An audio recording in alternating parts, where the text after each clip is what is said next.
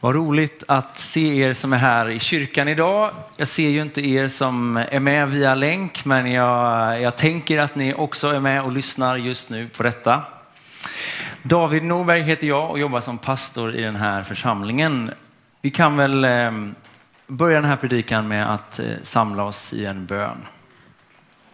Herre, tack att vi får eh, komma inför ditt ansikte den här stunden. Herre, vi får på något sätt lämna det vi bär på i våra egna liv, Herre. Fästa blicken på dig, Herre. Vi ber att du ska tala till oss, öppna ditt ord för oss den här söndag förmiddagen, Herre. Tack att vi får lägga detta i dina trygga händer. Amen. Idag så har jag tänkt att säga någonting om genombrott. Och då tänker jag inte på eh, genombrottet, den liksom första framgången som en artist kan ha, utan jag tänker genombrott på ett lite mer kollektivt plan. Ni vet, en låst situation som plötsligt får en ny lösning. Någonting som har känts torrt och kanske dött som plötsligt får nytt liv. Och jag tänker att du kanske finns med oss, du som längtar efter ett genombrott. Det skulle kunna vara ett genombrott i din familj. Det skulle kunna vara ett genombrott på din arbetsplats eller ett genombrott i den kyrka som du går till. Det finns ett gammalt ord för detta eh, som vi inte använder kanske sådär jätteofta längre och det är väckelse. Det är ett sånt där ord som bär på ganska mycket nostalgi för många, men det betyder ju ett, ett andligt genombrott. Alltså traditioner som upplevts torra och döda får plötsligt ett nytt liv. Och jag tror oavsett om man kanske kallar sig som kristen eller inte så tror jag att det finns många som längtar efter genombrott. Man vill se en ny tid. Man vill känna att det som har varit kanske torrt och dött ska få liv. En liksom öppning på låsta situationer. Idag ska vi läsa en text där det sker ett sånt här genombrott och se om vi kan hämta någonting mer ifrån den här texten. Jesus han är på väg från eh, Jerusalem tillbaka till Galileen och så tar han vägen genom Samarien. Han kommer till en stad som heter Sykar och stannar vid en källa utanför staden. Lärjungarna de eh, lämnar Jesus och så går de in för att skaffa mat och där ute vid den här brunnen vid Sykar så träffar Jesus en kvinna och inleder ett samtal med henne. Det här är ju kontroversiellt ur två liksom, aspekter. Det första är att en rättfärdig jude skulle inte ha någonting att göra med samarier. Det fanns en konflikt som egentligen gick tillbaka flera hundra år tillbaka. Men Jesus tar den kontakten. Det andra som var kontroversiellt i detta det är ju att Jesus talar med en kvinna. För på den här tiden så talade man inte med det andra könet i det offentliga. Man gjorde det i hemmet men, men på offentliga platser, till exempel vid en sån här brunn, så gjorde man inte det. Men Jesus inleder ett samtal och han ber henne att hon ska hämta vatten till honom. Och så fortsätter det här samtalet Eh, till att Jesus faktiskt säger att ja, men det vattnet jag ger, det, det blir en källa till liv. Och den här kvinnan hänger inte alls med på den här liknelsen utan hon säger liksom att okej, okay, det där vattnet vill jag ha. Kan inte du ge mig det? Hon tror att hon har träffat rörmokaren, du vet, som kan dra in vattnet hela vägen. Jag vill inte gå till brunnen mer. Och så får samtalet en vändning till, för då säger Jesus, vad är din man? Och då svarar hon, jag har ingen man. Och så säger Jesus, ja, men nu talar du sanning. Fem män har du haft, men den man du har nu, det är inte din man. Och då har hon ett bra svar i lager. Jag hör att du är en profet, säger hon då. Tips till alla, om någon kommer liksom och petar in i ett känsligt område i livet så kan man alltid säga, jag hör att du är en profet.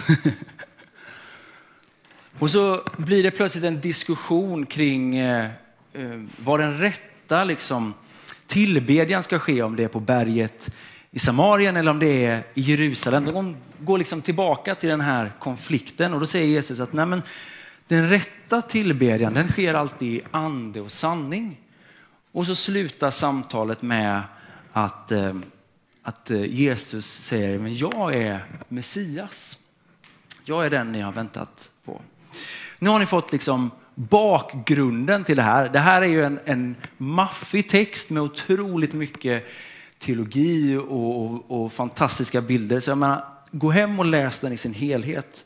Vi ska hoppa in i Johannes kapitel 4, vers 27. Där står det så här. I detsamma kom lärjungarna. De blev förvånade över att han talade med en kvinna. Men ingen frågade vad han ville henne eller varför han talade med henne. Kvinnan lät sin vattenkruka stå och gick bort till staden och sade till folket där. Kom så får ni se en man som har sagt mig allt som jag har gjort. Kan han vara Messias? Vi hoppar några verser fram till vers 39 för där fortsätter berättelsen. Många samarier från den staden hade kommit till tro på honom genom kvinnans ord när hon försäkrade. Han har sagt mig allt som jag har gjort. När samarierna kom till honom bad de honom att stanna hos dem och han stannade där två dagar. Många fler kom till tro genom hans egna ord. Och de sade till kvinnan, nu är det inte längre vad du har sagt om oss som får oss att tro. Vi har själva hört honom och vet att han verkligen är världens frälsare. Det här som vi har läst nu, det är ju ett genombrott på ganska många olika plan. Alltså för det första så är det ett genombrott för den här kvinnan. Hon har liksom sökt sig till brunnen mitt på dagen, troligtvis för att undvika kontakt med andra människor. Hon vänder nu tillbaka in i staden och talar öppet om Jesus. Alltså, det sker en väldig förändring i kvinnans liv. Det här är ett genombrott för konflikten som har pågått under hundra år, eller fler än hundra år, alltså ett antal hundra år mellan judar och samarier. Plötsligt så spenderar de här två olika grupperna flera dagar tillsammans. Och det är ju ett, det är ett andligt genombrott. Det står att många kommer till tro på Jesus. Och det är liksom faktiskt samarierna som kommer med den första bekännelsen att Jesus är världens frälsare. Det är innan lärjungarna kommer med detta, så kommer samarierna med detta. Ja, men det är ett andligt genombrott som sker i den här texten. Det finns ju alltid, tänker jag, när man talar om Gud i alla fall, eh, på något sätt, och ett genombrott som i det här fallet, två olika sidor. Det är ju dels Jesus, han initierar ju samtalet. Det är han som skapar tro hos kvinnan, som får det här på något sätt att hända. Men sen har ju den här kvinnan också en väldigt viktig del. Och jag tänker den här, den här balansen lever vi ju med som kristna hela tiden. Vi ska dels betona Gud och det Gud gör utan att på något sätt se ner på att vi har en väldigt, väldigt viktig roll att spela. Den här predikan har jag tänkt att jag ska ge dig tre stycken goda skäl till att tro på att ett genombrott är möjligt i ditt liv. Jag kan säga att det är tre bidragande faktorer som du kan påverka som jag tror har att göra med att ett genombrott kan ske. Det första bidragande faktorn till att det här genombrottet kan ske, det är ju faktiskt att den samaritiska kvinnan tar en personlig risk. Hon vågar sticka ut. Hon vågar till och med vara sårbar. Hon som liksom gick till brunnen eh, i liksom skyddet av den starka solen på dagen för att undvika kontakt med andra människor går nu öppet in i staden och säger kom och se den här mannen. Han har sagt mig allt jag har gjort. Det kanske de andra redan visste vad hon hade gjort. Hon tar ju en, en risk när hon säger och går in och tar plats. Nu skulle jag vilja att du tänker efter. Jag tror att du kan komma på en eller två eller flera saker i ditt liv som har kommit ifrån att du har tagit en risk. Äktenskap, definitivt en risk. Skaffa barn, absolut en risk. Börja studera, en risk. Byta karriär, en risk. Att följa Jesus, också en risk. Att följa Jesus är oundvikligen att sticka ut och därmed alltid förenat med att ta en risk. Och risken är på något sätt grogrunden för att ett genombrott ska kunna ske. Så här skriver John Tyson, en pastor och författare från New York. Glädjen och tillfredsställelsen som kommer från att vara trogen Kristus kommer alltid vara rikare än den lilla lättnad som kommer från att bara driva med kulturella strömningar. Vi lever ju i en kultur där, där en av de farligaste sakerna som finns är att ha avvikande åsikter, det vill säga att sticka ut. Och det kanske inte liksom finns ett egenvärde i att alltid ha avvikande åsikter, men det är ett stort problem att man inte vågar ta ställning. För om ingen vågar ta ställning, ja men, då är det inte någon som vågar gå före. Då blir det automatiskt moment 22.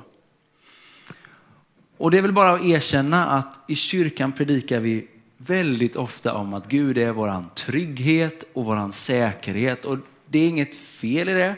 Vi behöver höra det. Men att följa Jesus är ett risktagande. Det innebär en risk. Det innebär att vi behöver sticka ut. Att våga vara sårbara, det är en förutsättning för att det ska ske ett genombrott. Den andra bidragande faktorn till det här genombrottet skulle jag vilja säga är uthållighet. Och nu skulle jag vilja att vi zoomar ut lite för att också se den stora bilden. Alltså när Jesus i Johannes evangeliet möter kvinnan vid Sykars brunn, då startar på något sätt missionen till hedningarna. Och om man tittar i apostlagärningarna så kan man tänka, men här fortsätter det arbetet. Det händer inte bara över en natt, utan det hänger också på apostlarnas liksom ihärdiga arbete. Förutom liksom den yttre förföljelsen som ni fick höra en del om förra veckan när Jakob Rudenstrand eh, liksom predikade så händer det också en massa störiga grejer. Jag har radat upp några här. Först så blir det konflikt mellan de grekisktalande judarna och de infödda judarna. När Petrus kommer tillbaka till Jerusalem från Caesarea så ställs han till svars inför de omskurna bara för att han har umgåtts med de oomskurna. I Perge så överger Johannes Paulus och Barnabas och reser tillbaka till Jerusalem. I Antiochia vänder sig hela den judiska församlingen emot Paulus och Barnabas. Till Galatien kommer de falska lärarna och predikar omskärelse. Det som hände på pingstdagen är ju något helt fantastiskt. Att den heliga ande utgjuts. Det är ju liksom startskottet på det genombrottet som sen sker. Men för att kyrkan skulle växa och för att den här hedna missionen skulle gå hela vägen så krävdes det uthållighet trots motstånd. Och apostlarna möter gott om motstånd, både utifrån och inifrån. Och jag tror inte att det är en, det är inte en överdrift att säga att en kultur som i stor del är inriktad på bekvämlighet och underhållning liksom har förberett oss ganska dåligt för den här uppgiften. Alltså vi matas med budskapet att följa våra känslor, det är bara att scrolla vidare. Vänta fem sekunder så drar ju nästa avsnitt på Netflix igång. Du behöver inte röra dig ur soffan. Det händer automatiskt, ingen ansträngning. Men om vi vill se ett genombrott, ja, men då krävs det uthållighet. Och jag har liksom fascinerats när man läser igenom Nya Testamentet hur många gånger det talas om denna uthållighet. Kolosserbrevet 4 och 2. Var uthålliga i bönen. Vaka och be under tacksägelse. I Hebreerbrevet, efter att Hebreerbrevets författare i kapitel 11 har liksom räknat upp i princip alla förebilder i tro från gamla testamentet så kommer han liksom till sammanfattningen och säger så här i Hebreerbrevet 12 och 1. När vi nu är omgivna av en sådan sky av vittnen, låt oss då även vi befria oss från allt som tynger, all synd som ansätter oss och hålla ut i det lopp som vi har framför oss. Ett genombrott kommer alltid, aldrig utan uthållighet, utan uppoffring och utan hårt arbete. Den tredje och sista bidragande faktorn till att det här genombrottet är möjligt, det har att göra med känslor. För en, när den samaritiska kvinnan återvänder till Sykar så går hon inte in i staden och känner in stämningen. Hon går in och sätter stämningen. Hon har fått förmågan att ställa sig över det känslomässiga klimatet. Och nu kanske du tänker, ja men det är klart att hon kan det. Hon har ju träffat Jesus. Exakt. Hon har träffat Jesus och har därför förmågan att ställa sig över det känslomässiga klimatet. Vi predikar väldigt ofta om Jesu empati, om hans medkänsla. Och det, det tror jag är bra. Det är något jag uppskattar och ofta tänker på. Jesus har medkänsla med oss. Men vi predikar mer sällan om hans integritet. Hur han hamnade i en massa konflikter utan att bli överrumplad eller känslomässigt indragen. När Jesus möter sina motståndare så är han, nu kommer ett svårt ord, han är väldifferentierad. Det vill säga han kan skilja på sig själv och den andra motparten. Han kan hålla isär dem. Ni vet, ni är arga. Jag mår ändå bra. Den här personen är upprörd. Jag är okej. Okay. Han blir liksom inte indragen i alla känslomässiga stormar som han möter.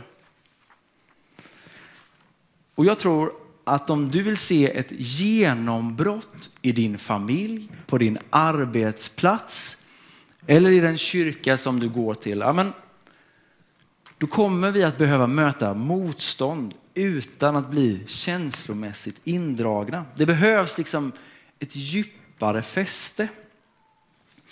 Efter att den samaritiska kvinnan har mött Jesus så har hon den här förmågan att ställa sig över det känslomässiga klimatet.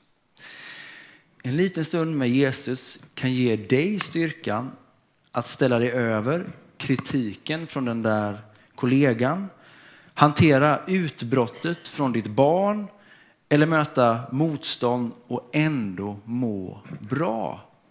De är arga, men jag är ändå okej. Okay en liten stund med Jesus kan faktiskt göra den skillnaden. Och jag ska erkänna att ja, men de, de sämsta liksom, tillfällena i mitt ledarskap, den, den, de sämsta tillfällena i mitt föräldraskap, det har att göra när man liksom dras in och påverkas av kanske sina barns humör ja, men det, har ju, det har ju inga goda följer när man står och skriker tillbaka. Det blir ofta bara värre. Man blir indragen i någonting. Det är mycket, mycket bättre när man lyckas hålla isär, vara den som är lugn och liksom kan visa en väg vidare. I Roma, Romarbrevet 12 och 2 står det, anpassa er inte efter denna världen. Lättare sagt än gjort. Utan låt er förvandlas genom förnyelsen av era tankar så att ni kan avgöra vad som är Guds vilja, det som är gott, behagar honom och är fullkomligt. Det vi har läst om idag, det handlar ju om ett genombrott. Det beror till stor del på att det är Jesus som sitter där vid brunnen. Det är han som tar kontakten. Det är ju han som skapar det här förtroendet. Det är han som, som sätter igång det här andliga skeendet. Det är jag helt övertygad om. Men jag, jag tror inte att vi ska se ner på vår egen roll i detta. Mycket av det som händer händer ju på grund av att den här kvinnan vågar ta steget in i staden och berätta om det hon har varit med om, det hon har sett och det hon har hört. Och om du finns med som vill se ett genombrott, då tänker jag det här är tre goda saker att ta med sig. Jag tror vi behöver ha en villighet att ta risker. Att våga sticka ut ur mängden, att våga vara sårbar. Jag tror det behövs uthållighet trots motstånd. Inte uthållighet tills motstånd och sen ger vi upp. Utan det behöver uthållighet trots motståndet. Och jag tror att det behövs förmåga att ställa sig över det känslomässiga klimatet ibland. Det här är tre saker som vi kanske inte så ofta predikar i kyrkan, men jag tänker ändå det här är så viktigt. Vi behöver liksom kunna gå före och visa vägen framåt. Då kan det också få bryta igenom. Ber vi.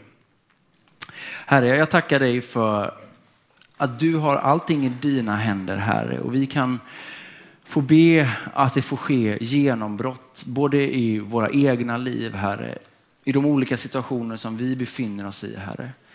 Men vi vill också be för andliga genombrott, Herre. Tack att, att du, du vill bryta igenom, att du vill öppna låsta situationer, Herre. Jesus, jag vill be för en ny tid, Herre. Jag vill be, Herre, att, att din heliga ande skulle få bryta igenom, Herre. Att det skulle få bli en lång ringlande kö till den här kyrkan, Herre. Att, att det som har kanske känts torrt eller gammalt ska få fyllas med helig ande och med liv, Herre. Jesus, låt det här inte bli liksom nostalgiska drömmar om en svunnen tid, Herre, utan låt oss fästa blicken, Herre, framåt. Du har någonting fantastiskt i görningen för Sollentuna pingst. Jag är övertygad om det, Herre. Du har något fantastiskt i görningen för, för kyrkan i Sverige, Herre. Herre, du ser den tid som har varit, Herre. Nu ber vi om en ny tid. Herre, kom och rör vid människor, Herre, som, som aldrig trodde att de skulle sätta sin fot i en kyrka, Herre. Kom och rör vid människor, Herre, som har åkt förbi kyrkor hela sina liv, men aldrig riktigt funderat, Herre, om de kyrka har någonting att säga, Herre. Jesus, vi ber för vårt land, Herre, för vår kultur, Herre, för västvärlden i stort, Herre. Vi ber för ett genombrott, Herre. Vi ger, Herre, att, att amen, det skulle få ske i vår tid, Herre. Ett genombrott, Herre. Herre, tack att vi får tro, Herre, att du är den, den stora genombrytaren, Herre. Du är den, Herre, som Amen, som tar evangeliet vidare från tid till tid, Herre. Men jag tackar dig också, Herre, att vi får ha en del i detta. Nu ber jag att den här predikan, Herre, skulle få utmana till mod, Herre. Mod att ta ställning, Herre. Mod att våga ta personliga risker, Herre. För att vara trogen dig, Herre, är alltid mer värt. Den glädjen kommer alltid vara större, Herre än att bara flyta med, Herre. Jesus, tack att vi får, får lägga resten av den här gudstjänsten också i dina händer, Herre. Amen.